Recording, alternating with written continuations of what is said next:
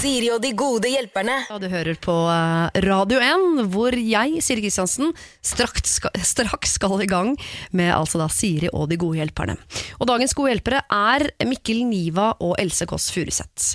Både Else og Mikkel er jo aktuelle for tiden med hvert sitt TV-program, basert på ting i deres oppvekst. Mikkel han har en far som flyttet til Danmark da han var bare to år gammel, og har i ettertid ikke hatt noe særlig kontakt med sin far, som det viser seg at har slitt med uh, rus, blant annet. Else mistet sin mor da hun var 10-11 år eh, gammel, og det er altså da tematikk i hennes TV-program på TV Norge, hvor hun snakker om dette med selvmord.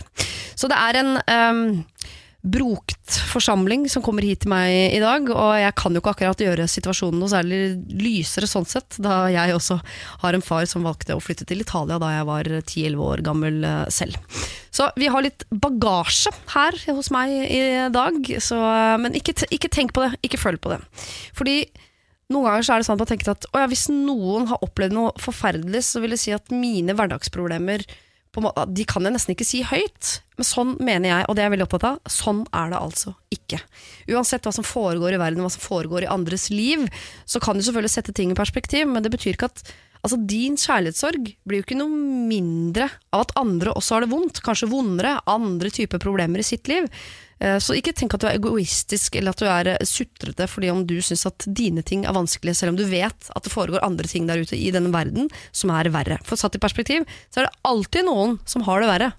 Eh, Men det betyr ikke at ikke du kan be om hjelp. Og hvis du har et problem du vil at nettopp vi skal hjelpe deg med i dag, så ikke, ikke tenk på om det er for smått eller for stort eller noen av de tingene der. Bare send det inn, og la oss avgjøre de tingene der. Mailadressen du bruker er sirialfakrøll.radio1.no, og så er det jeg som får oppgaven da med å bringe problemet videre til Else og Mikkel. Siri og de gode hjelperne. Søndager fra to på Radio 1. Dagens godhjelper er Mikkel Niva og Else Kåss Furuseth. Eh, og for at vi skal eh, varme opp litt, liksom, før vi tar tak i eh, små problemer, som du gjerne vil ha, Else, og store problemer, El som jeg tenker at vi kan, El grande problem, ass. så skal dere få et dilemma av meg. Ikke sant? Det er for å øh, varme opp, liksom, måtte ta noen valg, hvilken vei går jeg, altså. Vil du ligge med naboen, eller vil na Nei, det er sånn. Eller er det sånn? naboen ligge med deg. Ja. Ja. sånne type problemer. Men til dere har jeg valgt være kvinne med fullskjegg eller flytte til Indre Østfold. Å, kvinne med fullskjegg. Oh. Ja. Det, det, da kan man jo også flytte til Østfold, for da passer jo kanskje det eh, Nei, beklager, til Ja, det- Indre Østfold, men jeg, jeg, automatisk så følte jeg at aksept for skjegg, tenkte jeg. Ja, Men ikke aksept for Indre Østfold. De har jo øh, blitt satt i bås i generasjoner, skal du være klar over. Altså, jeg, må jo bare, jeg må bare si jeg har bodd i Indre Østfold. Ja, Jeg har, jeg har, eh, altså, jeg har bodd veldig mye i Skiptvet hos en kompis. Det har vært veldig mye. ja. Jeg har bodd i he, når du sa det. Jeg har bodd i Østfold. Ja. Er det siste tabu? Bare så du vet, jeg har bodd i Østfold. Jeg har vært på Kilimanjaro. Det var litt sånn stemning. Eh, jeg har bodd i, også har bodd veldig store deler av Østfold generelt. Jeg er veldig stolt av det fylket. Eh, men jeg velger fullskjegg som kvinne. Fordi det er et Altså, Østfold er fint, men Indre Østfold er helt dødt. Det skjer ingenting der. Men Indre Østfold, dere har jo, er Vannsjø er vel en del av Indre Østfold? Det er et ganske fint område. Er det ikke Norges nest største innsjø eller noe? Ja, det, akkurat det der veit jeg faktisk ikke. Så det, Jeg har mer, mer kunnskap om skjegg. Ja. Og jeg har lest diverse rapporter eh, at det er jo uhygienisk. Beklager, Mikkel Niva, det setter seg mye bakterier og sånn. Ja, ja. Men jeg må innrømme at jeg drømmer eh, om å ha skjegg. Tenker at det kunne vært godt for fjeset og hatt noe å lene seg på. Eh, og at det får en slags autoritær holdning som man godt eh, vil ha mot slutten av 30-åra. du får jo antakeligvis høyere lønn også. Muligens. Eh, Hvis du ref gamle sirkusdager, da var det ofte kvinner med skjegg som var med der. Eh, og så tenker jeg at det ville jo blitt Altså Jeg er jo over middels glad i oppmerksomhet. Da. Ja, det hadde du fått. Jeg husker jo også at jeg våkna på 30-årsdagen min, så hadde jeg fått tre sånne stubber på haka. Det kom automatisk inn i 30-åra. Tok du, du, har du tatt vare på de? Da, da, nei, jeg har selv, selger på, selger på Theis. Ja, på Theis. Tre stubber. Jeg får på, jeg har arr på haka fra jeg eh, tryna en hundebæsj på SFO da jeg var barn. Eh, Var det den som ga deg arr? eh, Nei, jeg, haka ja. i, eh, i asfalten. Men jeg Sånn, tryna ja. fordi jeg løp barbeint opp i en hundebæsj. Ah, Så det var mye på den, den dagen var ikke en fin dag. Og det, etter der får jeg sorte hår. Det har jeg fått i mange, mange år. Ja. Mange, mange år. bæsje, sånn bæsjefarge. Er det, er det, er det sikkert ikke er en tvilling? ja, det Ja, det kommer bak på ryggen. Vet du. men, men jeg trekker tilbake. Ja. Jeg, vil nå, jeg kommer nok, fordi jeg kjenner på nå allerede at det, livet, det skjer veldig mange ting i livet. Man er 30, snart 30 år, da. Mm. Og det koker veldig. Eh, og på et eller annet tidspunkt så kommer jeg til eh, å flytte ut av Oslo. Det tror jeg nok. Ja. Til et litt roligere sted hvor jeg kan slappe litt mer av, lese en bok og bare jobbe litt enklere liv. Mm. Og da kan det godt være Indre Østfold for min del. Eh, kanskje ved den store innsjøen som du snakka om. Bare chille. Vannsjø. Mm. Bare. Så jeg går for det isteden. Skjegg har jeg på en måte hatt allerede i hvert fall Ja. Du har aldri år. vært kvinne. Nei. Nei. Så det er sant. Eh, Det unner jeg deg, altså. Det er deilig. Det er deilig. Det blir helt annen respekt som kvinne. Ja, Litt lavere lønn, men ellers er det greit. Skjegg på Bislett for life skal jeg ha. Ja, Da får vi altså en kvinne med skjegg og en eh, ny borger til Indre Østfold. De ringer og takker for, eh, for tilskuddet, Mikkel. Jeg kommer om en sånn fem til ti års tid. Fem til ti år, ja. ja. Det blir koselig. Nå dere skal vi ratte opp. Nå må vi eh, åpne opp eh, hjertedøra og hente gamle erfaringer osv. For nå skal vi altså da gå over i den delen av Siri og de gode hjelperne hvor vi gir råd til dere som hører på. Hvis ikke du har sendt inn ditt problem, så er det på ingen måte for seint. Siri alfakrøll radio1.no. Siri og de gode hjelperne. Allsang til uh, These Days, Rudimental, Jess Glynn Macclemore og Dan Kaplan fikk vi altså der. Og med på allsang uh, har vi da god hjelper Mikkel Niva, god hjelper Else Kåss Furuseth. Det er god musikk her, jeg må si det. Ja, du spiller det? bra musikk. Ja, tusen, tusen takk. Jeg vet ikke om jeg egentlig burde ta så mye av æren for akkurat det, men, Jo, jo, jo. Ja, men jeg er enig med deg, da. Jeg er enig med deg. Dere, vi skal ta et problem fra en uh, kvinne i midten av 30-åra. Eh, Hun eh, skriver Jeg og kjærlighetslivet har aldri vært noen god match. Og har blitt grundig såret en del ganger og har derfor vanskelig for å åpne meg for nye flørter. En ond spiral som egentlig har gjort at jeg i mange år nå har tatt litt avstand fra potensielt kjærlighetsliv for å slippe å bli såra en gang til. Jeg har nå jobbet eh, der jeg jobber i ca. et halvt år, og i sommer havna jeg på fylla med noen av mine kollegaer og havna til sengs med han ene. Vi jobber på samme avdeling og i samme rom, men vi prater ikke nødvendigvis sammen hver dag. Over Snapchat har det kommet fram at han liker meg, og jeg får sommerfugler i magen av å snakke med han, og jeg tenker mye på han. Men som sagt, jeg, jeg er vant til at ting går i dass, og jeg ender ofte med knust hjerte. Da er det tungt å skulle møte den personen på jobb hver eneste dag. Og hva vil sjefen eventuelt tenke om dette? Jeg har hørt på at det er mange arbeidsplasser hvor dette ikke er lov, men jeg vet ikke om det er sånn hos oss, altså. Jeg er i midten av 30-åra, han i begynnelsen av 40-åra. Dere kan kalle meg kjærlighetsløse Klara. Klara trenger altså et, enten et klarsignal eller et nei på om hun skal gå for kjærligheten på arbeidsplassen. Kjærlighetsløse Klara. Eh, Jeg vil si først må bare glemme sjefen. Vi bare tar bort sjefen ut av problemet. Ja. For det er ikke, du er jo ikke der ennå. Nå, liksom sånn, nå setter du på håndbrekket for tidlig, syns jeg. Ja. Og så eh, får jeg jo godhet for henne. Jeg tenker jo umiddelbart, det er lett å si, men jeg tenker jo at dette er en positiv ting. At hun, eh, det kribler i magen. eh, og da ville jeg jo hvor, ja, det verste, Hva er det verste som kan skje? Hun kan bli såret igjen, da. Ja. Da vet jeg ikke, det er jo, altså, Man skulle ikke tro det, men Mikkel Niva er jo faktisk ladies man. ja, du, er ja, du er jo en dame i hver favn til enhver tid. Ja da, jeg, jeg altså, hva, um, um, jeg, Hva er det sikter du til nå, Nei, nei? At jeg har hatt mange kjærester? Er det det? Ja, nei, men at, du- at du er god på, god på det med kjærlighet. Fordi med en gang kjærlighetsløse Klara, mm. Beklager, vanskelig å si. Men uh, når hun sier det, så tenker jeg at jeg, at jeg er litt inkompetent. Altså Hvis det på en måte sånn Altså nå er det, den, det er liksom den blinde leder den døve, på en måte. Eller motsatt. Ja. Så Derfor så, så jeg med en gang bort på Mikkel, fordi jeg vet at han har, er i et forhold. Det er Altså, hun har fått det til, på en Ja. måte. Mm. Men, altså, bare, ja, hva hva er det hun er redd for? Hun er redd for at hvis hun nå nok en gang prøver seg på denne fyren, og så får hun et avslag, Mm. Og så må hun møte han fyren som har øh, sagt nei hver eneste dag på jobb. Ja. Men han har jo vært tydelig på Snapchat at han liker henne. Jeg vet at Snapchat er jo ikke som et frieri, frieri eller brevdue. Nei. Men han har jo vært tydelig. Hva betyr det? Dickpic, eller betyr det en hyggelig noe? Forhåpentligvis noe hyggeligere enn en dickpic. Det vet jeg ikke, men hvor tydelig kan det være hvis de, øh, hvis de lå sammen i sommer, og dette problemet fortsatt er et problem, all den tid vi skriver oktober. Ah, For en slitsom situasjon å være i. Det virker som to litt usikre mennesker Ja. på en arbeidsplass som liker hverandre. Men hun har allerede ligget med han, da. Ja. Hvorfor ikke prøve igjen? På en måte blir man veldig mye mer såret hvis det er to ligg enn ett ligg. Nei, man er ikke nødvendigvis noe nærmere kjærligheten. Nei. Men kan man bare ligge litt, da? Og så se hva som skjer? Ja. ja. Altså, vel. Ja, det, det, altså det eneste Det jeg har gjort, da, når jeg har vært sånn gira på noen, er jo å gå all in for det, helt til jeg blir nekta. på en måte at Nekte adgang til det fylket. Ja, helt riktig. Um, nå skal det sies at jeg har aldri blitt nekta adgang. Nei. Fordi det er jo ofte sånn, fall jeg Hvis du er et relativt sunt eller fornuftig menneske, så har du også en ganske sånn grei magefølelse på om hvis du får noen hint, Mm. så, så tror jeg du skjønner det, på en måte. Jeg er helt uenig, faktisk. du er helt uenig? Helt, eh, ja, men kanskje Da er ikke jeg fornuftig menneske, kanskje, men jeg har jo veldig ofte tenkt at her er det noe greier. Ja. Og så har det vært en misforståelse. Men har du ligget med de som du har Nei, det har jeg ikke. Nei. Nei, det har jeg ikke. For det er det jeg tenker at Det for meg er blant annet et ganske sånn hint på at her er det i hvert fall noe vi kan utforske videre. Det skal jeg notere meg. Prøv å ligge med de først. Jeg har vært på loppmarked og kafé og sånn. er Jeg vært. Ja, det er så himla koselig! Vi skal vi gifte oss! Du solgte meg denne koppen, skal vi bli sammen? Ja. Nei, men så, sånn at, sånn at eh, Jeg ville nok stolt på at magefølelsen stemmer litt, at det er noe her å gå for. Ja.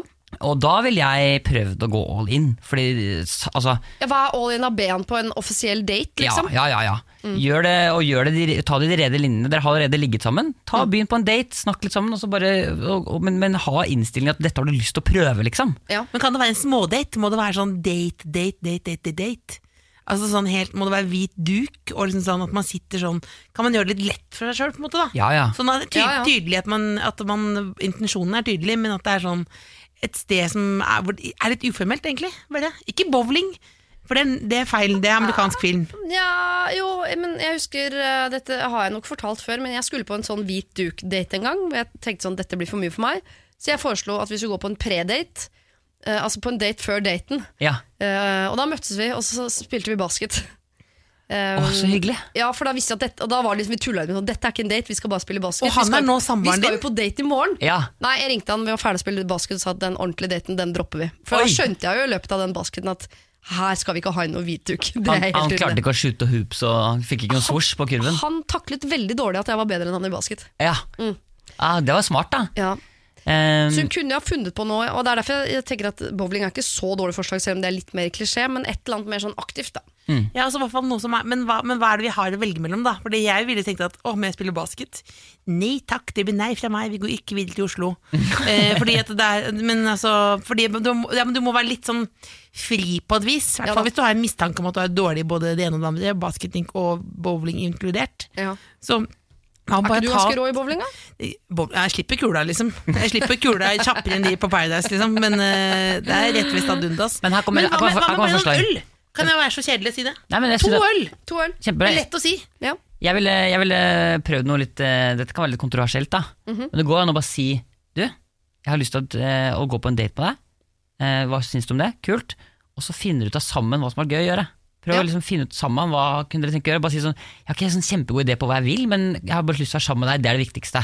Ja, for Er det ikke deilig hvis hun tar tak i det som er litt uforløst nå, som gjør at ikke sant, de snapper, han har sagt han liker henne, de har ligget sammen, alt. De ser hverandre hver dag, kommer seg aldri av flekken. Jeg tipper, om ikke han er forelsket, eller om ikke hun er forelsket, så begge går og tenker på at he-he, er ikke den situasjonen litt uforløst? Vi har ligget sammen, vi snapper.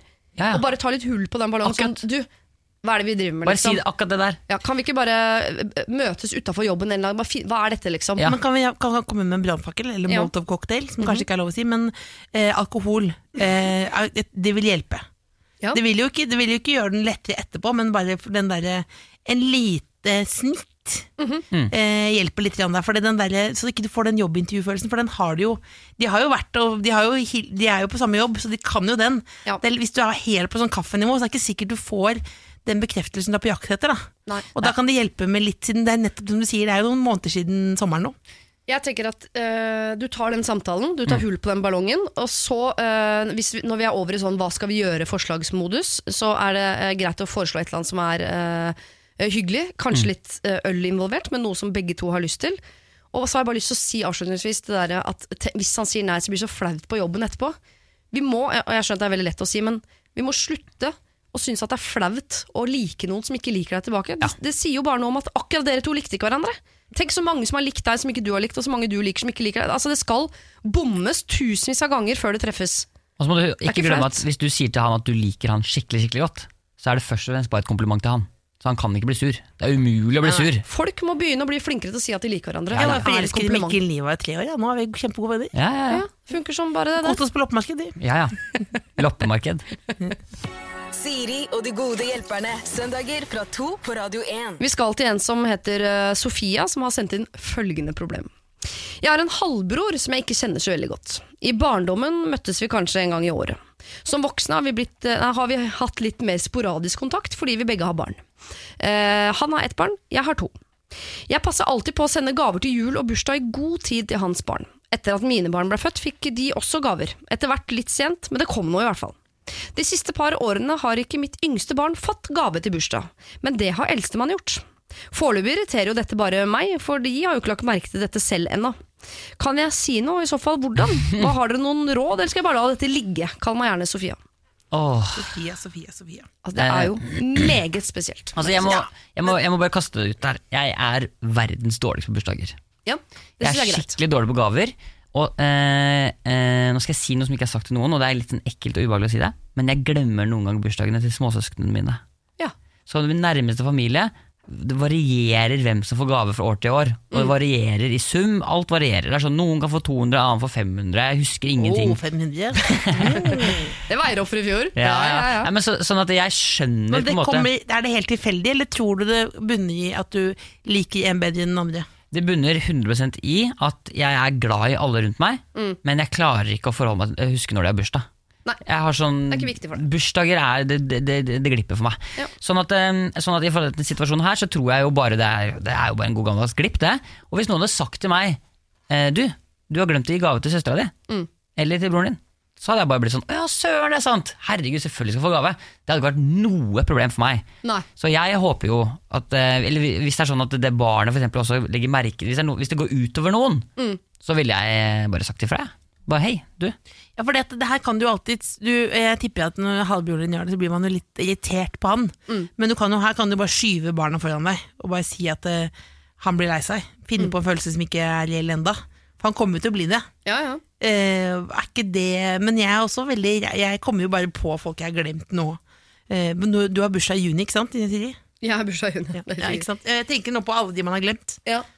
Men jeg tenker her, altså, hvis man har en sånn type tone, da, Mikkel, som du eh, beskriver her, eh, så er jeg helt enig at man bare kan si det. Men her syns jeg liksom jeg leser mellom linje, at man har en halvbror, kjenner ikke så godt, har ikke hatt så mye kontakt, så de har antageligvis ikke verdens beste dialog. Ja. Og da er det vanskeligere å gi en sånn kamerasje sånn Nei, du glemte For her ligger det antageligvis Jeg tipper at når Sofie har skrevet, så ligger det mye mer der. Ja. Ikke sant? Ja. Det er det er i utgangspunktet et vanskelig forhold. Du har ukomplisert forhold til dine halvsøsken. Absolutt. Ja. Men, hva med, men hva med da rett og slett at man eh, begynner Det er jo ikke lov å si hvis man var en psykolog, men det er jo ikke vi. Eh, hvis du begynner å lage et skuespill, at du kjøper inn gaver som tilsynelatende er fra halvbroren din, sånn at du holder det ved like. Eventuelt ta bort den andre gaven. Eventuelt er helt ærlig og si han er en liten rotekopp. Og det tåler jo et barn å høre. Ja, for jeg har vært innom tanken sånn, Kan ikke du kjøpe gave til barna? Si at det er for uh, onkel Knut. Ja, her- Eller lære barna sånn Vet du hva, Jeg er oppvokst med en mormor som elsket alle sine uh, barnebarn på guttesiden.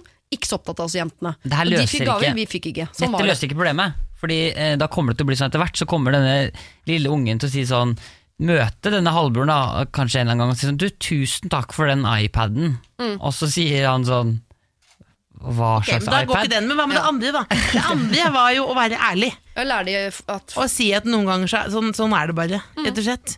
Og, det betyr, og, så, og selvfølgelig si at det betyr ikke nødvendigvis at han ikke er glad i deg. Det betyr kanskje det, da. Men, men, eh, men eh, mest sannsynlig ikke. Det er bare glemskhet. Men han, Ja. har ikke, men han har jo ikke Altså eh, jeg, jeg, Siden han gir gave til, den yngste, til det eldste barnet, Mm. så har han noen interesse av å være der for barna. Sier jeg, det her er jo bare en glipp. Så Det er jo bare, å det må man bare si. Du, det er veldig hyggelig at du gir gave til den ene, men pass på å gi til den andre også. For hvis ikke så blir Ja, det men litt dette rart. handler ikke om barna. Det er det Siri prøver å si. At det handler ikke om barna. Det handler, det blir, det ro, nå roter vi i gryta. Ja, men Det er mye bedre å snakke med halvbroren Jo, enn, å, enn å ignorere det og si sånn 'jeg tar ansvar sjæl'. Absolutt, men da tenker jeg, hva er, hva er en perfekt anledning å si dette i? Skal man når det nærmer seg bursdag til den minste minne på?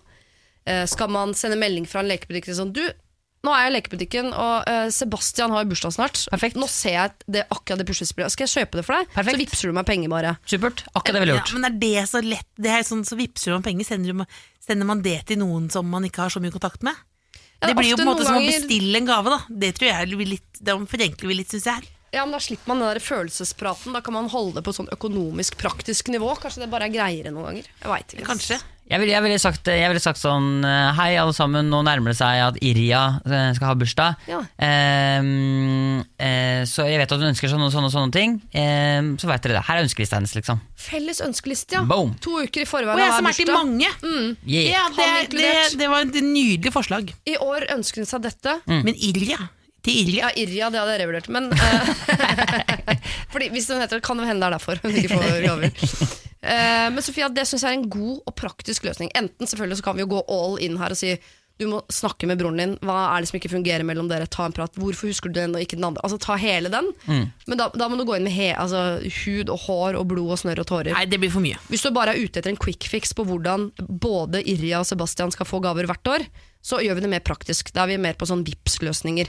Felles chat osv. Den løgnen var det ingen som beit på. Den var det negativt til. Hvilken løgn? Det med at man skulle finne på å kjøpe gaver sjøl og late som de var fra Men han. Det er et farlig spill, for hvis du først har ljugd en gang, så må du ljuge resten av livet, girl. Ja, men det, er ganske, det er ganske gøy, da. Og så er det slitsomt, liksom. Ja, Og så blir det sårt øh, inn, langt inni der. Og så er hun egentlig sur, som blir hun surere og surere for hvert år. Så ødelegger hun sitt eget liv. Så blir det liv. dårligere og dårligere li gaver. Ja, så må hun lage en dokumentar på NRK Ja, om mange ja. år. ikke sant? Og så sitter der, råd. Mm, sitter han der. Sofia, her må du, eh, det høres ut som du egentlig er på jakt etter en quick fix, og da foreslår vi at du lager en felles sånn, gruppe hvor du sender ut ønskeliste hvert eneste år, to uker i forkant av bursdagen til begge barna. Siri og de gode hjelperne. Søndager fra to på Radio 1. Julia Michaels med sin eh, Issues, som jeg eh, fortsatt ikke helt Jeg vet at den handler om issues, men jeg, jeg, jeg klarer ikke Hjernen min klarer ikke å oppfatte hva hun synger om. Jeg hører bare vishy, vishy, vishy, vishy, vishy, issues. Tissues? Ja, for jeg Nå. slutten er bare sånn Ja, er det issue? For der tenker jeg sånn eh, eh, And one of them is I hope I need you Jeg aner ikke hva hun sier. Julia, hører ikke noe på ikke. tekst, jeg. Hører ikke noe på tekst, jeg. Nei, det gjør egentlig ikke jeg heller, men her Utenom på ja, Life's a roller coaster. Just gotta ride it. Altså, det var helt sånn tydelig beskjed. Ja, ja. Meget tydelig beskjed. Men får du aldri altså, Liker du ikke å synge med på musikk? Jeg gjør det, men bare, bare ta det. Men jeg er ganske tondøv, så det er bare det med stemning. Jeg liker stemninga til Julia Michaels. Jeg, Du er glad i rapp, er du ikke det? Jeg, liker, men jeg, blir, jeg tar det som jeg blir servert. Altså, det er Ja. litt som en sånn buffé der. Jeg pugga en hel Faith No More-låt utenat en gang, som var eh, rappete. Altså, den var Ja, ja, ja. snakkete. Da var jeg ganske stolt. Jeg brukte den hver anledning til å kunne si den. Hva, hva, men, hva sier noen, da? Nei, Jeg husker at han sa uh, at hodet mitt er som et kålhode, stikk begge tommelene inn i det. My heter det cabbage. Og nei, kanskje det var agurk? Lett Cucumber? Nei, det var ikke cucumber. Lettuce, Ma- lettuce, ja, ja, ja, salat. salat. Hodet mitt, jeg har hatt salathode, oh. stikk tommelen inn Oh, det. Oi. grav inn hjernen min. Ja, ja, det er dype, de Åh, folka grov De er dype. dype folk. Det eneste jeg kan utenat, er uttale sjæl-opplevelse med Ravi. For det her jeg bedt om å opptre med noen ganger, bare for at Du det ligner. ligner. Ja, Så du later som du er han. Så den kan jeg faktisk. Ja. Mm. Har du lyst? Nei. Jeg orker ikke. Jeg orker faktisk ikke. Ellen, je m'appelle Ellen, je suis une fille Nå stopper vi. Nå gir vi oss, gi oss et problem. Ja, jeg skal gi dere et eh, problem hvert øyeblikk, men jeg skal gi dere et spørsmål først, fordi det problemet her er ganske eh, stort og omfattende og sårt. Eh, og så er det ikke helt irrelevant til den historien eh, vi alle tre sitter på, all den tid man har på en måte sånn sett mistet en forelder, men på forskjellige måter. Mm. eh, man har Dette har jeg ikke pugget, som dere hører. Mikkel, din far flyttet til Danmark da du var to. Mm. Eh, min far flyttet til Italia da jeg var elleve. Og moren din døde da du var ti eller elleve, Else? Eh, Elleve. Elleve. Eh, har dere noen ganger eh, blitt oppgitt over folk som har tilgang på foreldrene sine, men som på en måte vanskjøtter det forholdet? Som neger ikke vil ha noe med foreldrene sine å gjøre, for de er så idioter og teite og sånt. Tenker sånn Du har i hvert fall en mor! Har dere, skjønner dere følelsen? Eh, ja, absolutt. Eh, har nok hatt eh, noen ja, jeg, har- jeg har nok i hvert fall én venninne på en måte som har brukt veldig mye tid på å bare være sånn sur på foreldrene for at ikke de liksom gjør sånn som hun vil. Og det, men det var litt, kanskje, litt, det var kanskje litt mer sånn nærmere 20 og nedover, sånn tenårene-aktig, hvor det var verst. Eh, og da husker jeg det var sånn dritirriterende. Det var sånn, herregud, slapp av. Du har det bra, liksom. Ja. Ja. Jeg kan bli litt sånn gira på veldig sånn, sånn da, Hvis det kommer sånn dame 50-årene med kortlang høyredobb, så kanskje jeg tenker å, de liker jeg veldig godt. Så tenker jeg å ja, selvfølgelig. Det kunne vært mamma, på en måte. ja, Det er gøy, for jeg har det akkurat samme måte med menn. Ja. Jeg elsker menn over 50. Men, jeg også, men du, hvis jeg kan være litt personlig her, når jeg var personlig, du er jo noen ganger litt irritert på din mor. Eh, Ja. Og det har jeg tenkt faktisk, det, la det ligge. Ja. La det ligge, da. ja. Hun er keramiker, det er litt irriterende at hun er keramiker, men det går bra. Hvis jeg har lov til å si det. Jo, jeg, jeg husker nemlig også at jeg traff en jente en gang som hadde mistet sin far. Uh, han døde av kreft. Og som ble altså så sint på meg for at ikke jeg ville ha noe med min far å gjøre. For Hun mente at da på en måte eh, misbrukte jeg min mulighet til å ha en far. Det er en mulighet hun ikke hadde. Sånn nærmest At jeg skyldte henne nærmest Ja. å ha et forhold til mitt far. Jeg tenkte sånn det, eh, skal det være sånn at vi skal måle hverandres tragedier ut ifra Det blir jo litt Nei, jeg sånn kjenner nok når du, når du sitter og snakker om det, så kjenner jeg nok på at uh, det er så utrolig individuelt. Uh, og jeg har jo skjønt gjennom å lage det programmet jeg også har laget, da, at det, å vokse opp med en mor og far som også er altså hvis De kan være naboen din, på en måte, de kan bo i samme hus, men det kan også være at faren din er alkoholiker, og det gjør ikke situasjonen noe bedre av den grunn. Så det er ikke nødvendigvis sånn at man skal sammenligne foreldre så mye, det tror jeg ikke. Alle har sitt å stri med, og alle har sitt å ikke stri med. på en måte. Ja. Alle har en eller annen historie. Ja. Nå skal dere få høre historien til uh, en som bare kaller seg 'vanskelig type'. Uh, og Hun skriver en ganske lang mail. Jeg har prøvd å korte den ned, men det er vanskelig, for her er det mange elementer. Hvis jeg skal uh, lese mailen nå, skal vi høre litt musikk, og så skal vi snakke om det etterpå. Min mor har alltid slitt med psykisk sykdom, og dette preger hele hennes liv. Jeg, 30 år, sliter med å ha et forhold til henne, da jeg ikke skjønner hvorfor hun ikke vil søke hjelp og jobbe med dette for å få det bedre. Hver gang vi møtes, eh, ender det ofte med krangling, og selv om det føles fælt, så blir jeg altså deprimert av å være rundt henne. Jeg blir også ofte rasende på henne for de minste ting, fordi det nok har bygget seg opp en frustrasjon over lang tid, og dette sinnet er både skremmende og noe jeg skammer meg over. Jeg har sagt ifra hvordan jeg har det, i håp om at hun kan møte meg på halvveien og kanskje jobbe litt med seg selv for at vi to skal kunne fungere sammen. Hun sier hun skal skjerpe seg og ta hensyn, men det virker ikke som det går helt inn. Um, og jeg sliter selv med sykdom, og jeg har ikke så mange rundt meg til å støtte meg på dette.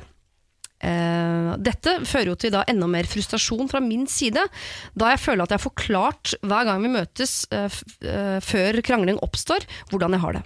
Og hun sier igjen at hun skal skjerpe seg, men hun følger det ikke opp.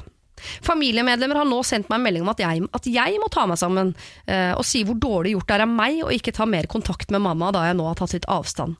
Og dette sår jo meg veldig da jeg vet at eh, jeg er inne i en vanskelig periode, og jeg har egen sykdom, og jeg har heller ingen å støtte meg på. Jeg forsøker bare å holde hodet over vannet.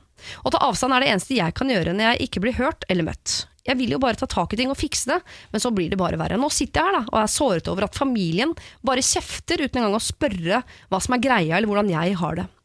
Dette vokser seg verre og verre, og nå bærer det i retning av at jeg kutter kontakten med hele familien, fordi jeg føler at ingen tar mine eh, følelser på alvor. Så hva kan jeg gjøre for å bli forstått, eller er jeg bare vanskelig? Og så skriver hun noe med vanskelig type. Altså For å oppsummere, hun har en mor som har det vanskelig, selv har hun det vanskelig, og familien klandrer henne for at ikke hun tar mer hensyn til sin mor. Så nå tar hun avstand fra sin mor, og vurderer å ta avstand fra hele familien. Hvordan vi skal løse opp i dette, det skal dere få tenke litt grann eh, på. Vi, eh, jo da, Kan jeg si en ting bare? Det, vanskelig type er hun ikke. det er ikke vanskelig. Nei, det kan vi si med en gang. Kan jeg bekrefte det først, da. Hun ikke er vanskelig. Du er ikke vanskelig, du har det vanskelig. Siri og de gode hjelperne. Rett før denne låta så prøvde vi å bli kjent med en eh, jente som kaller seg selv for vanskelig type. Allerede der vil vi si at du er ikke vanskelig, du har det vanskelig. For hun har en mor som sliter med psykiske problemer, og eh, selv hun også, sliter hun litt med psyken, og har tatt avstand fra sin mor eh, for i det hele tatt klare å holde hodet over vannet. Krangler mye med moren sin, fordi moren vil ikke jobbe med sin syke. Og det, altså, de fungerer ikke sammen. Og nå driver familien og klandrer av denne jenta for at ikke hun i større grad tar vare på sin mor uten å spørre hvordan hun selv har det. Så nå vurderer hun å droppe hele familien. Skal hun det, Mikkel? Altså, i en sånn her situasjon så tror jeg nok at eh, hun har på en måte Jeg skjønner at hun har det kjipt, og det syns jeg hun skal ta på alvor. At, har, eh, at Hvis hun selv føler at hun har problemer, så er det kanskje det som må løse opp i først, før hun kan begynne å løse opp i så veldig mange andres problemer, sånn som jeg ser det. da. Og så er det helt greit at eh, Det er helt greit på en måte å anerkjenne det, men det jeg kanskje savner i hennes beskrivelse her, er et mål for framtiden. Hva er det hun Ser hun lys på framtiden? Har hun lyst til at det skal fungere bra med henne og moren? Har hun lyst til at dette skal funke? For i så fall så ville jeg fokusert på det. Da ville jeg kanskje sagt noe sånn som Jeg, jeg ville kanskje sagt noe sånn som til familien og til hun da, at jeg skjønner til mamma, jeg skjønner at du har det veldig tungt nå, og det, er- det syns jeg også er kjipt. Jeg har dessverre også litt sånn kjipt akkurat nå, så jeg tror bare jeg trenger litt tid for meg selv til bare å løse i det, før, og, og, men jeg ser veldig lys på framtiden. Jeg vil at vi skal finne ut av det framover, men jeg må bare ha litt tid for meg selv først, til bare liksom komme på plass. Og det kan du si både til moren din, det kan du si til vennene dine, så kan de synes det er litt sånn, om det er veldig egoistisk og sånn. Men uansett, eh, så kan du alltid kontre med at du eh, ser lys på framtiden. Det er det jeg tenker er viktig Ja. her. Hva er målet med å gjøre det? Eller i hvert fall ha et ønske om at lam- framtiden skal bli lys. Ja, Men her er det litt sånn teori og praksis, fordi det man kan si det til de andre i familien, for å prøve å få de med på det. Eh, For det er jo de som på en måte har gjort litt, gått litt over grensen her, på en måte. For det å kritisere en datter er jo Det tenker jeg da stopp en, stoppen en her, liksom. For det gjør, riktig sånn som Mikkel sier, ta vare på seg sjøl først. Det er eneste måten du kan hjelpe andre på, da. Det står i en eller annen bok, tror jeg, og det, det tror jeg er sant. Så i hvert fall på en pyntepute et eller annet sted. Absolutt ta vare på Nei, så lang pyntepute. Ta vare på deg sjøl før du hjelper andre. Nei, men de sier det på flyet. De sier det på Putt på masken på deg sjøl. Ja. For å Det hjelpe det. andre. Det er det sier være- det, ikke sant? Kunne vært Men- en Admiral P-låt òg, på en måte. Men det er jo et, en ting som er sånn Hun sier jo at Unnskyld, hun er så gira. Admiral P. Vi tenkte det var han Ta vare på deg selv for ta vare på andre. Ikke sant? Den tror finnes faktisk. Men en ting som er litt øh, Som hun sier, da, er jo at det, hun sier vel at det, livet har vært preget av at moren har store øh, psykiske problemer, og hun vil ikke ta hjelp, ha hjelp. Og det er jo, det er jo et kjempeproblem. Det er jo hovedproblemet her. Eh, og det at og at moren sier hun skal skjerpe seg. Og det, det kommer jo helt sikkert ikke fra noe uh, dårlig vilje fra moren, men det å skjerpe seg er jo noe som ofte ikke funker, å si jeg skal skjerpe meg, liksom. Men det er jo det at hun ikke får hjelp, og det er jo det som strander og sikkert gjør at hun, tipper jeg, ser litt ikke så lys på framtiden som Mikkel sier hun bør gjøre, er jo at moren må få hjelp, og det må hun få med de andre i familien til å på en måte kreve av moren. For morens del, og for hennes egen del, da. Og for andre i familiens del. Og det er ikke noe som en datter kan på en måte Det toget er litt tungt, da, fordi moren vil jo mest sannsynlig ha det bra. De fleste mennesker vil jo ha det bra. Jeg tror i hvert fall det er tungt fordi det har vært sånn lenge. Jeg tenker, hvis du, hun er oppvokst med en mor som er psykisk syk.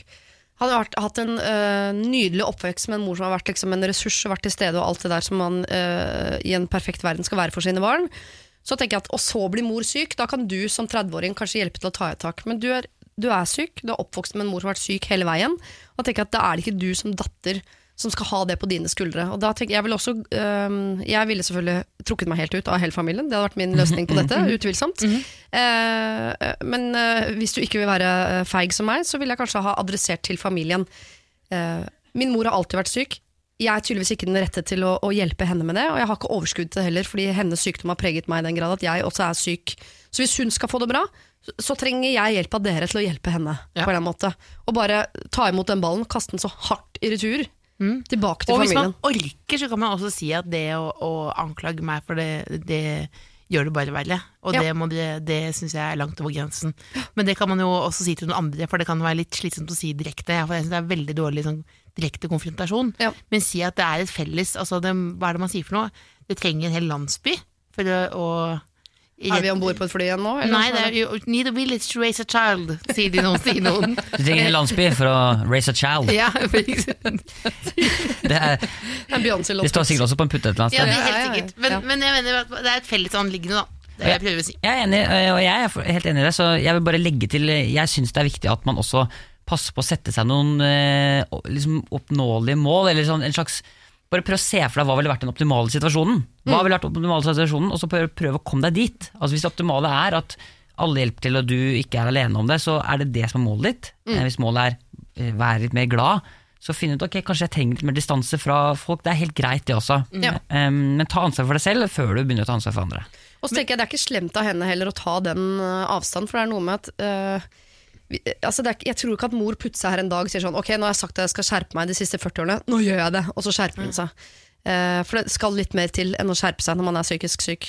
Så jeg tenker at hvis det at moren er psykisk syk er med og drar henne ned, da må du vekk. Men Da må du ha den avstanden. Og da er det jo eh, Altså det alle, alle de burde jo eh, det, burde, det er jo deilig hvis vi kunne fått inn en eller annen objektiv part her, da. Det er Eh, også- Hvor alle er samlet. Ja, men også i, mener i, moren er til stede. Ja, ok. Ikke sant? Ja. En som er, altså, det er sånn litt sånn Det er jo lettere sagt enn gjort, men altså, at det kan jo også komme noen hjem dit, for eksempel. Altså, Mm. Hvor de andre familiene er også. Sånn at det blir at vi deler ansvaret utover her. Ja. Du skal ikke drive og holde moren din oppe. Det går ikke. Du er ikke vanskelig, du skal ikke holde moren din oppe. Hvis du orker, så tar du en, eh, går i dialog med familien, hvor du spør de om de kan hjelpe deg å hjelpe henne. Eh, og hvis du trenger litt avstand, så si det. Jeg trenger litt avstand, jeg trenger å hjelpe meg selv først, før jeg hjelper min mor. Husk at det kreves en hel landsby for å, å oppdra et barn osv. og så ja. videre. Altså bare dra alle pynteputene.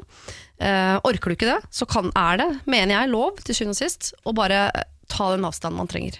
Om det er en uke, en måned eller et liv, det må du sende litt på selv. Kan jeg Et konkret siste tips? Ja. Eh, Mental Helses hjelpetelefon. Eh, Den har jeg jo, eh, når jeg har laget eh, TV-serier om det, brukt veldig sånn aktivt. Det er nummeret 116123. Eh, mulig eh, klokere folk enn oss. Det er jeg faktisk ikke helt sikker på, eh, men den er, den er bra. Jeg har snakket mye med en dame der sjøl, Aslaug. Hun er god. Hun er god. Jeg er ikke sikkert du treffer henne, men det er, det er bra tips. Spør et Aslaug. Spør et Aslaug på 116 123. Ja. Var det? Siri og de gode hjelperne. Anne Marie, dette her, som eh, har en låt som heter eh, 2002. Altså 2002. Det er gøy at hun har et sånt Uh, melankolsk blikk på 2002 som Bruce Springsteen hadde på 69. The Liksom. summer of 2002. Ja, det Oh, shit. Det betyr bare at vi begynner å bli gamle. Brian Adams var det. Var det Brian? Ja. Det er litt viktig Bruce? forskjell, faktisk. Ja. Hæ? Brian Adams, Summer of 69. Ja, bare litt viktig forskjell der. Bare. Men Det- Bruce altså, det er ikke Willis, på å men bare ny, Er ikke Finn Bjelke i området her nå? Bare slapp av litt. Ja. jo her. Ja. Bruce Springsteen og Brian Adams. Ganske Ikke bland, like folk, ikke bland, eller? Nei. Ni. Niet. Jeg vet om Brian Adams, at han hadde den uh, tittelmelodien til Robin Hood med Kevin Costner. Ja, så er Finn Bjelke Pleier han å være her i bygget? Ja, han jobber her nå. Ja, det gjør han, ja. Sant det. Nei, det var, jeg kom på, nei, det var noe annet jeg tenkte på. Dette, er veldig, dette er kjempe, kjempedårlig radio, for jeg bare kom på en ting som ikke hadde noe med dette å gjøre. Det fins ikke kjempedårlig radio. Bare dårlige klær, si. Ja, bare dårlig klær. Ok, jeg tar et problem, er det greit Ja, for dere? ja. Mm, Else Kåss Furuseth, Mikkel Niva. Hei, eh, Siri. Det har seg sånn at jeg har to vennegjenger. Den ene er av den ville festtypen som drikker seg driting, så du vet eh, aldri hva de kan finne på å gjøre. Den gjengen er utrolig morsom å feste med. Det ender alltid med latterkrampe. Den andre vennegjengen er mine barndomsvenninner, som er den type perfekte bestevenn. De støtter meg alltid uansett, kommer med råd og er utrolig snille og gode. Det kjipe er at denne gjengen ikke er så morsom å drikke med. De er så utrolig rolige og stabile, og det virker ikke som om de kan bli skikkelig fulle. Nå til helgen skal jeg ha bursdagsvors. Jeg inviterte den rolige vennegjengen og tenkte at det blir sikkert litt dølt, men det får bare gå. Men så, da. I dag oppdager jeg at denne ville vennegjengen også skal ha vors, eh, der noen kommer flyvende fra Oslo kun for denne helgen. Noe som får meg til å heller ville drikke med de, altså denne ville gjengen. Jeg vet jo at det blir mye morsommere med dem, men nå har jeg da altså allerede invitert den rolige gjengen hjem til meg. Så hva gjør jeg da? Sendt fra min iPhone. Sett fra min iPhone. Det er ikke mulig å bytte Nei, Nå snakker jeg som en dobbeltbooker. Jeg skulle si noe om å bytte dag eller kjøre noe samkjøring, og sånn, men dette, er, dette kjenner jeg meg igjen i. vil Jeg vil bare si først og fremst Ganske ofte nå. Jeg skal på to ting nå i dag skal jeg på to ting. ja. så i morgen, altså det blander seg. Ikke at det er så mye kok, men det bare er litt sånn eh, Altså det bare roter seg litt til. Og så er du en pleaser. Du liker å, å si ja til folk, for det er det du vil høre. Og så Ja. glemmer du egentlig å sjekke om det passer. deilig der og da. Deilig der og da. Men, men, hvordan, men er det sånn at eh, kan man bytte dag? På den, hvis du skal være litt helt egoistisk, da. Kan man bytte dag på eget bursdagsvors? Nei, det kan det ikke. For da vil du gå på det andre vorset, og så vil det være bilder av deg over hele Snapchaten. Du er full og glad. Ja, Ja, altså Før eh, sosiale medier så kunne man jo eh, dra noen eh, sånne. Det kan man altså ikke ligge, eh, lenger. Da, man blir busta. Åkke sånn. Jeg tror du må være forberedt på at eh, Altså Jeg er nemlig sånn som også kan velge kulere ting foran andre ting. Og det har jeg fått, fått eh, rett og slett en slags intervention Oi. fra vennene mine på. på en måte At eh, det er oppevedtatt at eh, de kan ikke stole på at jeg kommer på ting, fordi jeg går på andre ting som er kulere. Det er sånn de opplever det. Ja, Alle vendinger har en sånn. Det er faktisk ganske irriterende, må jeg si, fra sidelinja. Ja, og, det, og det har jeg tatt veldig til meg, og har prøvd å slutte med det. Jeg har prøv, prøver rett og slett å si sånn Hvis jeg booker meg på noe, så går jeg på det, og så må jeg bare eie det. Booker du deg? Book- jeg er booket i kveld! Jeg er booket! Tar du betalt òg, eller? Vi Har betalt for å henge med deg? Å, du er så populær! Å, skulle ønske Mikkel Niva kunne komme til meg når jeg er booket allerede! Booker meg et halvt år i forveien! ja. Eller kalendermeningen det. Ja, ja. ja, ja. Ja, ja bursdags... Hva er løsningen, da? Nei, så løs... Både du og jeg er grusomme mennesker. Det vi har sagt nå å være løsningen. Nei, løsningen er at du må eh, altså, Eller det jeg sier er at hvis du bytter til denne partygjengen og går ut med de, så må du bare tåle at du også blir en person som går på ting først og fremst fordi du selv vil ha det gøy. Men det du glemmer, er også da at den, eh, eh, den litt lamere barndomsgjengen din ikke bare inviterer deg fordi de tenker 'vi vil ha deg på besøk', eh, fordi du er en venn. De vil ha deg fordi de er glad i deg og er avhengig av at du er der fordi du bringer noe inn til gjengen. Så de blir skuffa når du ikke kommer, og blir enda mer skuffa når du skjønner at du prioriterer vekk. Jeg kan si at det er det motsatte av å få barn. Altså Der barn er en eh, dårlig investering i kortsiktig lykke, men en eh, god investering i langsiktig lykke, så er dette det motsatte. Det er en veldig god investering i I dag blir det gøy, men på lang sikt så har du gjort en litt dårlig investering sånn på vennebasis. Og sentra My iPhone sa jo også at øh, den, den litt sånn kjedelige gjengen i gåstegn var, alltid var der Ja. Det er det du trenger henne. på. Og det er jo det oppsummerer du egentlig. Og, men kan jeg like foreslå å slå de to sammen? Ja, det syns jeg. Hvis ikke du gjør det, så gjør jeg det. Ja, for det synes jeg også det, er, det, pleier, det kan funke, det. Og du tenker sånn Nei, de liker ikke alkohol. De gjør jo det. Jeg tror bare Noen ganger så er, liksom, gjør man det litt vanskelig for andre folk. Altså, det kan Slå sammen funker. Ja, og kjedelige folk trenger altså, Det er jo ikke fordi de er kjedelige, men folk som kanskje noen ganger har det mer hyggelig enn gøy. Og det er veldig veldig vanlig. De trenger noen ganger å stakes opp, holdt jeg på å si. Det er, jo, det er veldig gøy når det da blandes inn en morsom gjeng, som gjør at jeg tror nok eh, både du, eh, sendt fra min iPhone, og den gamle vendingen din kommer til å få det morsommere hvis dere eh, blander det opp. Ja, og Slår du det sammen, så har du jo løst det problemet med å bli, eh, betegnes som en eh, dårlig person. Ja. Fordi du har jo bare invitert masse folk, og du er sammen med alle sammen. Så de kjipe kan jo bare gå hvis de ikke vil være der lenger. Ja. Da er det de selv som må ta valget å gå, det er ikke du som velger å gå fra dem. Og hvis du nå tenker dette går ikke, så nei vel, da må du være dem som du har avtalt allerede. Men øh, det er en kjempefin investering også hvis du tenker sånn at det blir kleint for de kjenner ikke hverandre, og de kjenner meg sånn, og de kjenner meg sånn. Ikke, altså, jeg skjønner akkurat hva du mener, men bare, øh, bare ei det. Vis at du er glad i begge deler. Og så, jeg, jeg vet at det blir gøy. Jeg, jeg vet at det blir gøy. Eller du kan gjøre sånn som Mrs. Doubtfire. At du kjører eh, dobbelt. Du løper mellom festene. Det går, det, men Og kler deg ut på en måte. Ikke- Du trenger ikke å kle deg ut, da. Men du kan jo bare mellom, du kan kjøre dobbeltløp, men det, det blir slitsomt. Altså, Mener du at han løp mellom familiene som Mrs. Stafford og seg selv? For det var ikke en nei, han, festscene der. nei, han, løp mellom, han kledde seg ut mellom å være dame og mann. Så du kan heller tenke 27 Dresses, Ja. hvor Catherine Hegel eh, er eh, brudepike i to bryllup. Ja. Og det kan vi dere om, jeg skal ikke røpe noe, men det blir litt av et Det er litt av en utfordring. Ulike klær og alt mulig. akkurat kommer ikke an på at det blir lett. Det, ene er indisk bryllup, andre er amerikansk bryllup, bare ulik klesstil. Men jeg må slå et slag for Jeg må bare eh, på sampen slå et slag for å tenke på litt andre enn deg selv. Ja. Eh, fordi du, Man glemmer at vennene dine er glad i deg og trenger deg. Det er ikke sånn at du bare skal gå rundt og få underholdning. Du må også underholde dem. Ja. Sånn snakker folk med dårlig samvittighet. Det stemmer. Det virker som en god idé å bare ha det veldig gøy og leve i nuet og alt det der, men det er også en ganske god investering i å øh, vise at du er glad i folk og gjøre, på en måte, øh, gjøre det man skal, rett og slett. Eh, så jeg tenker at her, eneste muligheten du har til å være game og ha det gøy, enten er å klare å ha det gøy sammen med de du sier at ikke er så veldig morsomme, ved å være eh, morsom selv, eh, som kan være et tapt prosjekt. Det har jeg en god og lang historie om som jeg skal dra en annen gang. Eller så mener jeg at du her bør slå disse to festene sammen. Siri og de gode hjelperne. Jeg har gitt Else Kåss Furuseth og Mikkel Niva en liten pause, fordi jeg hver eneste søndag også liker å rette et blikk litt bakover. Og denne gangen så skal jeg tilbake til eh, den sendingen jeg hadde sammen med Line Verndal og Magnus Devold den 23. september. Da fikk vi nemlig inn et eh, problem fra en jente som hadde vært singel i syv år, men som i løpet av sommeren hadde fått en eh, melding fra en svensk fyr som ville at de skulle møtes. Og hun hadde blitt bitte litt betatt av han, men etter at de hadde møttes og hatt en veldig hyggelig date, så hadde det på en måte kommunikasjonen stoppet litt opp. Altså De drev og, og maila hverandre og snakket sammen fortsatt, men han bodde i Sverige, hun bodde i Norge, og hun visste ikke helt hvordan hun skulle klare å få dette videre. Eh, Jeg spurte Line Verndal, som var eh, særdeles skeptisk til det hele, og Magnus Devold, noe mer romantisk, om hva de mente at hun skulle gjøre. Og her skal du få høre noe av det. Ja, for han, men han var, de var veldig på før de møttes, sant? fikk jeg inntrykk av. Ja. Et par dager om, om dagen og alt mulig rart. Og så er han litt treigere i etterkant. Ja.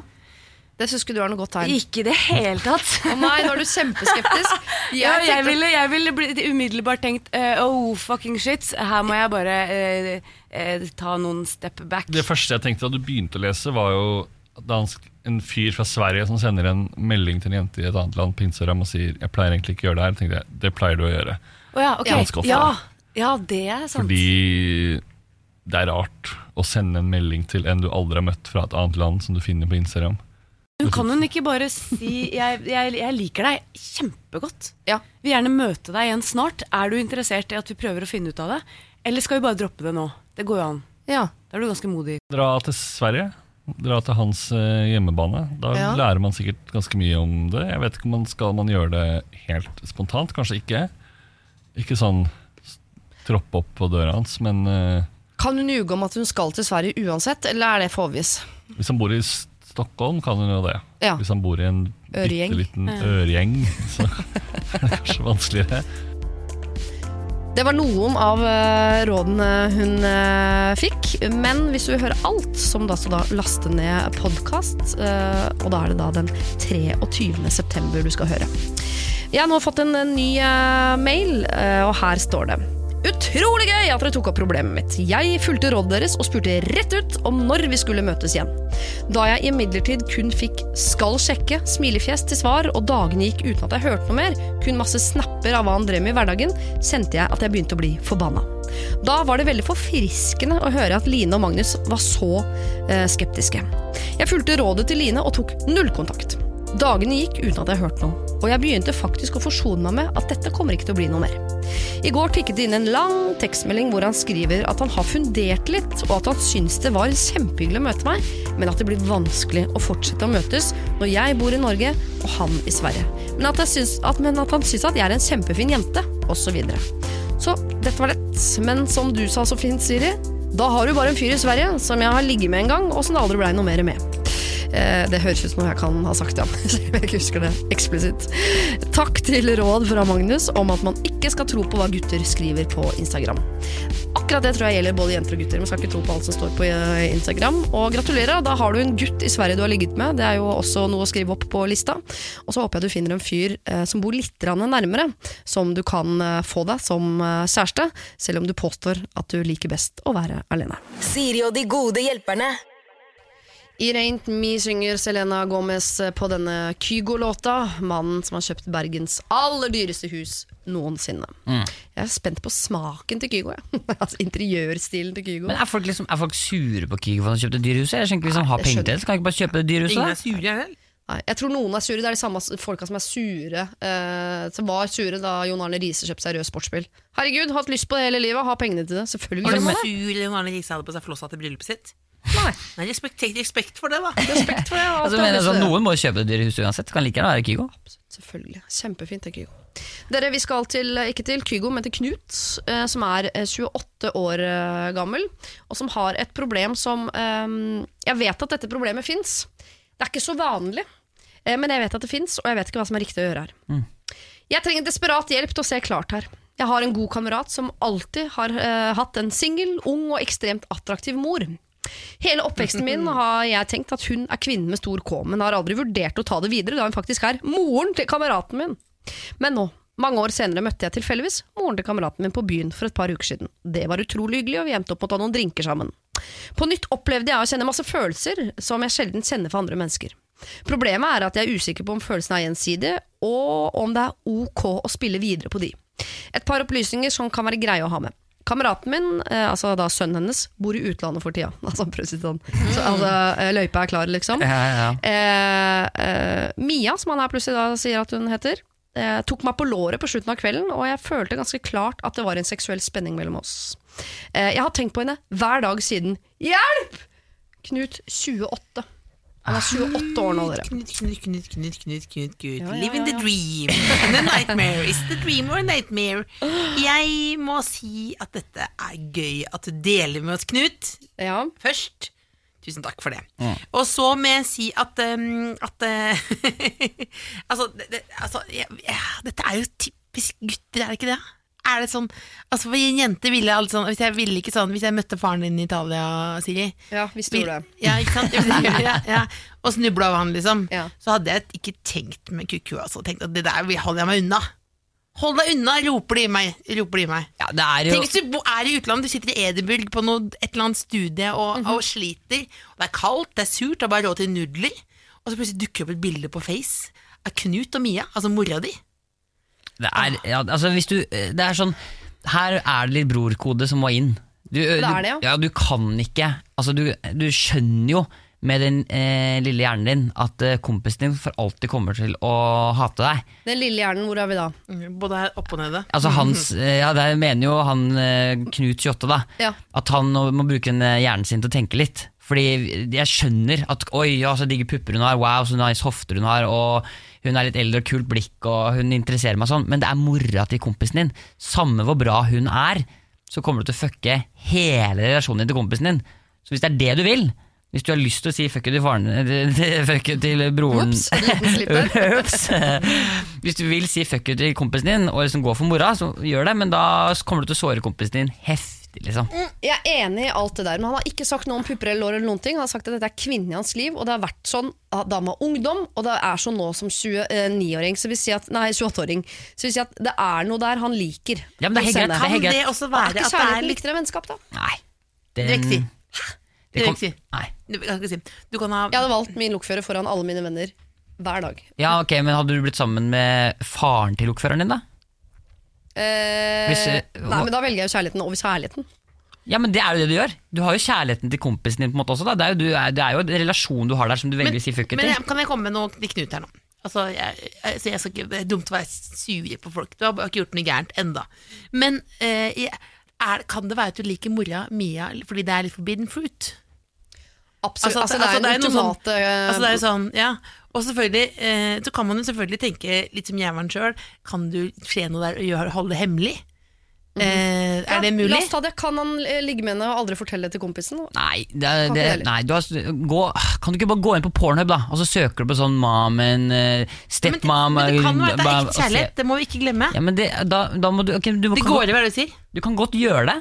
Jeg sier ikke at du ikke kan gjøre det. Jeg skjønner jo på en måte driftene her. Mhm. Det er helt greit. Men du må bare tenke på kompisen din først og fremst. Hva, er det du, hva slags relasjon vil du ha til han? Er du villig til å Den gi opp ødelegger du for alltid. Det må vi bare si. Er du villig til å gi opp den relasjonen, ja, så kan du godt gjøre det. For det fins ikke en planet der ute Uh, hvor han kan få mora og fortsatt være venn med uh, Jeg, det eneste jeg kan sammenligne Hvis du hadde skjedd noe mellom deg og faren min Mhm. Så det er altså det, Jeg må gå ut av studio og bare tenke Åh, bo, jeg tenker ikke Beklager at jeg sa det høyt til meg Ja, men altså, du, altså, Det du, det du spør om er Fins det mulighet for at bestekompisen eh, så, altså, Sønnen til denne mora skal akseptere at han også blir stefaren hennes? Det er det du spør om? Mm, Ja, Det har jeg vanskelig for å tro.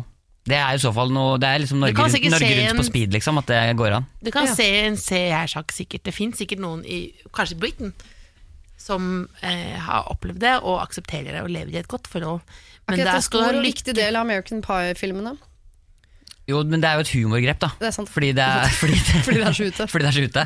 Altså, jeg, det går helt sykt fint, og jeg er helt pro Nå er vi litt kjærligheten. strenge her Jeg blir litt sånn lei meg etterpå Men vi er litt strenge mot Knut Nei, Han har ikke gjort noe gærent ennå Nei, men hvis han vil. Jeg sier bare Jeg blir Ja, bare irritert. stemme da Må okay, stakkars greit. Knut Ok, Jeg har en venninne som ble sammen med faren Altså komp kompisen til faren sin. Det er ikke helt det samme, men Det det er er ikke litt. Det er litt det samme. Altså, ja. Fordi faren har en kompis som har blitt sammen med dattera. Jeg vil si at det er ganske likt. Ja. Det var ikke så populært, men etter noen år så gikk det helt ok. Mm. Mhm. jeg, altså det, jeg, jeg sier kjøp på så lenge du er villig til å endre den relasjonen du har til kompisen din til noe som ikke nødvendigvis er så positivt. da Ja. Men sette det som en Knut, hvis du er villig til å kaste kompisen din på bålet, så går du for mora. Og Hvis ikke så finnes det masse cougars der ute som ikke er mødre av kompisene dine. Ikke risiker mer enn du er villig til å miste Nei. Eh, så Sponsa Pynteputeforeningen AS altså. der borte. Ikke risikere, mer enn ville til å miste. Det er faren min sagt til meg uh, og her vet du ikke, det kan jo hende du vinner alt, det kan være du mister alt. Så plutselig sitter du der uten både kompisen og mora og alt. Så her må du, uh, her må du vite hva du investerer, før du eventuelt mister. Er det med Gundersen? Siri og de gode hjelperne. Søndager fra to på Radio 1. Dere jeg har allerede sagt det, eh, og det kommer som en overraskelse på mange, at vi allerede nå, eh, i starten av oktober, må ta tak i juleproblemer. Mm. Vi har gjort det til dette tredje uka på rad at jeg tar tak i et juleproblem. Fordi for folk som har eh, vanskelig syn på jula, så går de og tenker på den der forferdelige julaften allerede fra juni måned. så vi er egentlig på ettertid. Denne gangen er det Stine 29 som har et ja, julerelatert problem. Eh, hei, Siri og de gode hjelperne. Jeg håper dere kan hjelpe meg med problemet mitt. Jeg har en bror som jeg er veldig glad i. Han er bare ett år yngre enn meg, så vi har hele oppveksten hatt et nært forhold. Vi er begge familieskjære og trives godt i resten av familiens selskap. Han fikk seg kjæreste for to år siden, noe som er veldig hyggelig. Det er hans første seriøse forhold, så han er dedikert og, uh, til forholdet og er veldig forelska. Problemet mitt er, hun er med overalt! Alle søndagsmiddager, alle ferier og generelt hver eneste gang vi møtes. Forrige gang vi så hverandre fortalte øh, han at hun gjerne ville være med på julaften, noe våre foreldre hadde sagt at var bare hyggelig. Jeg derimot sa at det kanskje hadde vært fint hvis vi bare var familie, i det minste på julaften. Og dette reagerer broren min så dårlig på. Jeg prøvde å fortelle at jeg savnet han og veldig gjerne ville være bare med han og henge med han i julen. Han ble veldig sint og beskyldte meg for ikke like kjæresten hans, noe som ikke stemmer. Jeg liker henne veldig godt, men hun trenger ikke å være med overalt. Broren min er fortsatt sint på meg og vil ikke svare på meldinger eller telefon. Foreldrene våre vil ikke blande seg. Så hvordan skal jeg løse det da? Takk for hjelpen, Stine 29. 29. Jaså, Stine, Stine, Stine. Broren er da 28, det kan jo være Stian, nei Knut, 28, som er forelsket i Ja, men altså, kan, altså Det er jo eh, Altså, jeg er litt sånn treig i min familie. Og har vært litt sånn myggen på kjærester og sånn. Eh, altså andre kjærester. Andre i familien som har kjærester. Jeg har aldri kjæreste. Og var opptatt av det julegreiene, så jeg kjenner meg litt igjen i Stines problem. Og min erfaring da er at du bare må eh, snurpe en smella, eh, og det går over, og det blir eh, mer hyggelig enn man tror. Rett og slett. Ja, for Fordi dette du kan- taper du liksom, for du kan enten Ja. være sur eller bare godta. Ja, og, det, og det, sånne følelser går litt over, Ja. er min erfaring. Ja, altså jeg får jo et inntrykk av at du kanskje henger litt igjen i en slags sånn idealjul som du har hatt sikkert ganske mange ganger. At du har hatt en jul som du liker, og som du har blitt veldig glad i, som gir deg trygghet antageligvis. Det at Vi er den familien med broren min og meg og de tingene.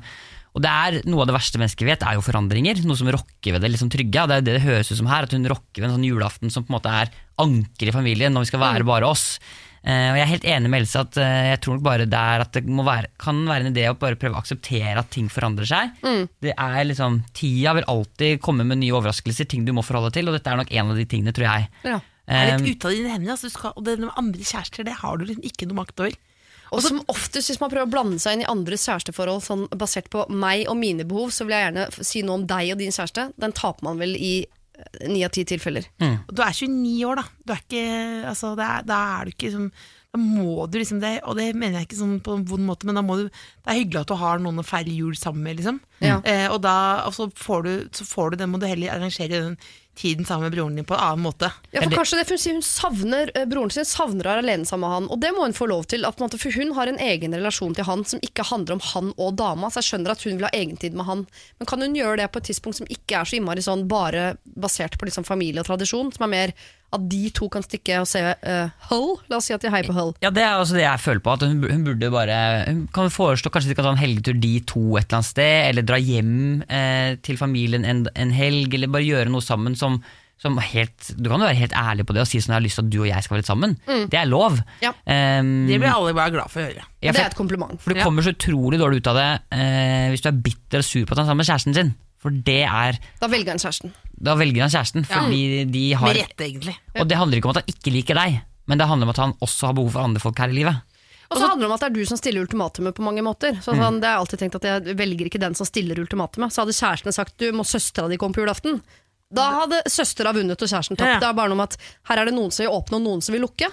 Og da hører man, det er sjelden Men det er klassisk, du må bare åpne ringen rundt juletida, altså. altså det er sånn der, eh, og så prøve å tenke at eh, det, det kommer til å gå bra. Og det kommer det til å gjøre, da. Ja. Du sier at du liker henne, så det er jo, en, dette er jo eh, Det er ikke lov for å si luksusproblem, for alt er et problem så lenge det føles sånn, men dette er litt i den kategorien.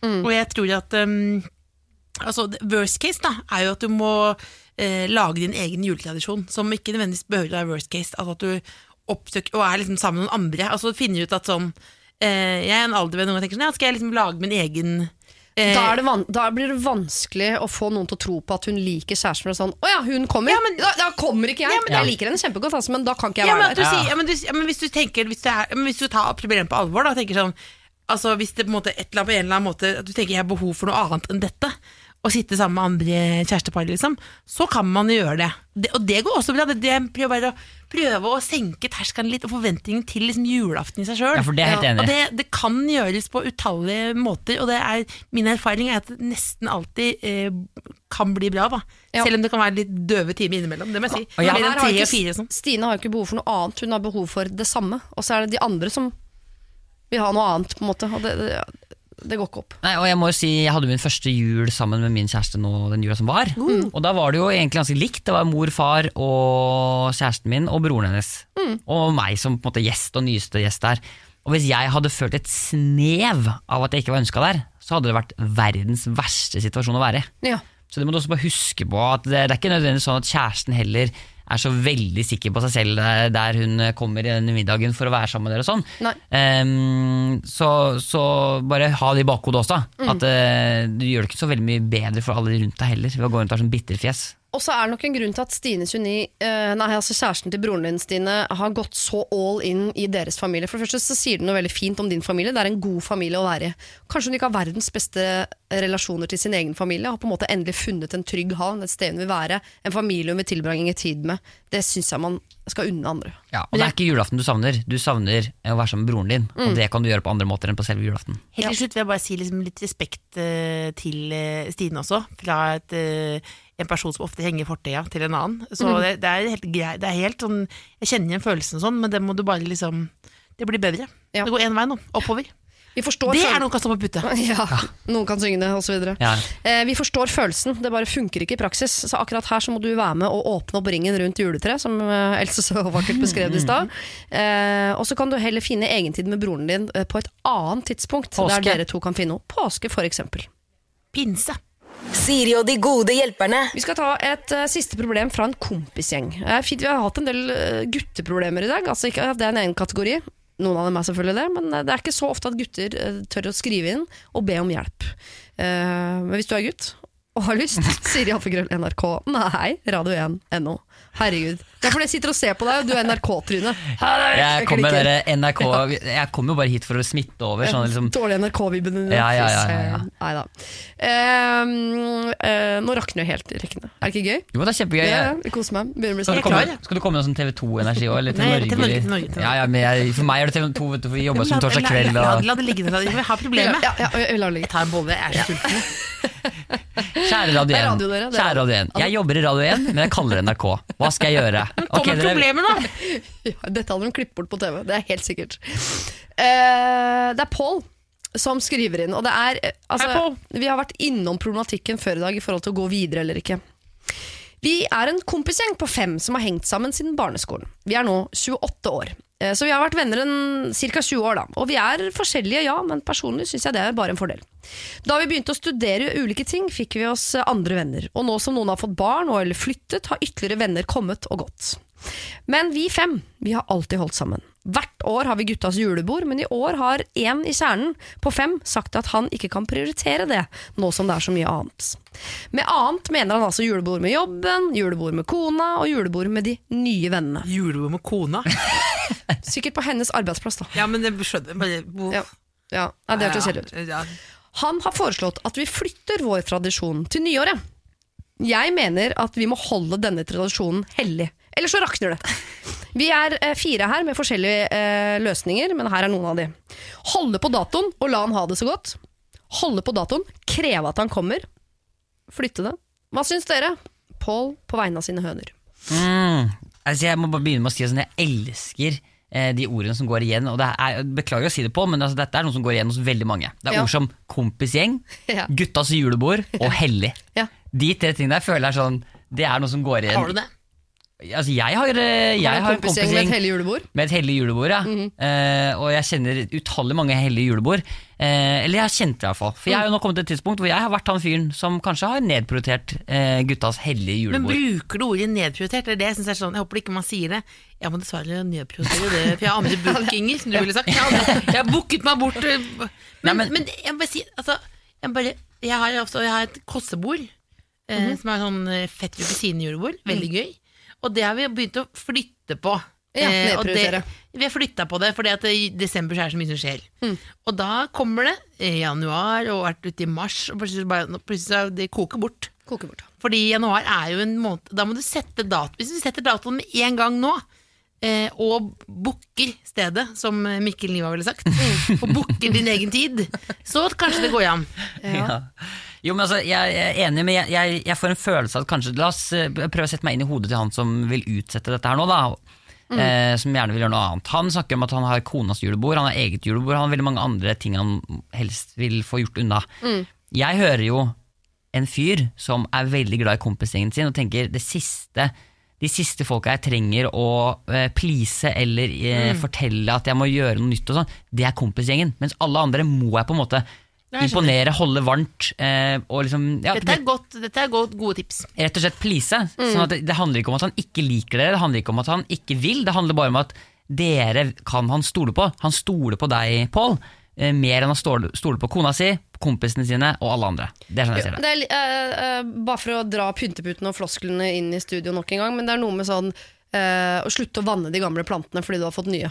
Nå har du fått vann i så mange år, nå trenger ikke du. Ja. Kompisgjengen da, da, den visner.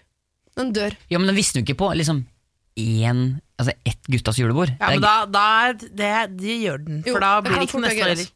ja, men For så neste år er det en annen da som smitter. Det smitter. Ja, men- Visning smitter. Eller det er ikke noe bes- Det er ikke vitenskapelig bevist, Men da kan det du, det. da vil jeg, ok For å fortsette å bruke denne metaforen, da så vil jeg sett, Kjøpt plastikkblomster. Nei, Da vil jeg sett på den planta og si sånn Ok, hvilken av disse, pl- eh, disse stiklingene i den planta kan jeg plante om til en ny plante? Og hvilke Ja. kan få lov til å visne? For da er det bye-bye til eh, de folka som visner og blir sure fordi at de må prioritere andre ting. Jo, men da lurer jeg på, hva, er vikt, hva, hva skal vi holde hellig her? Datoen? Eller at alle fem må være til stede?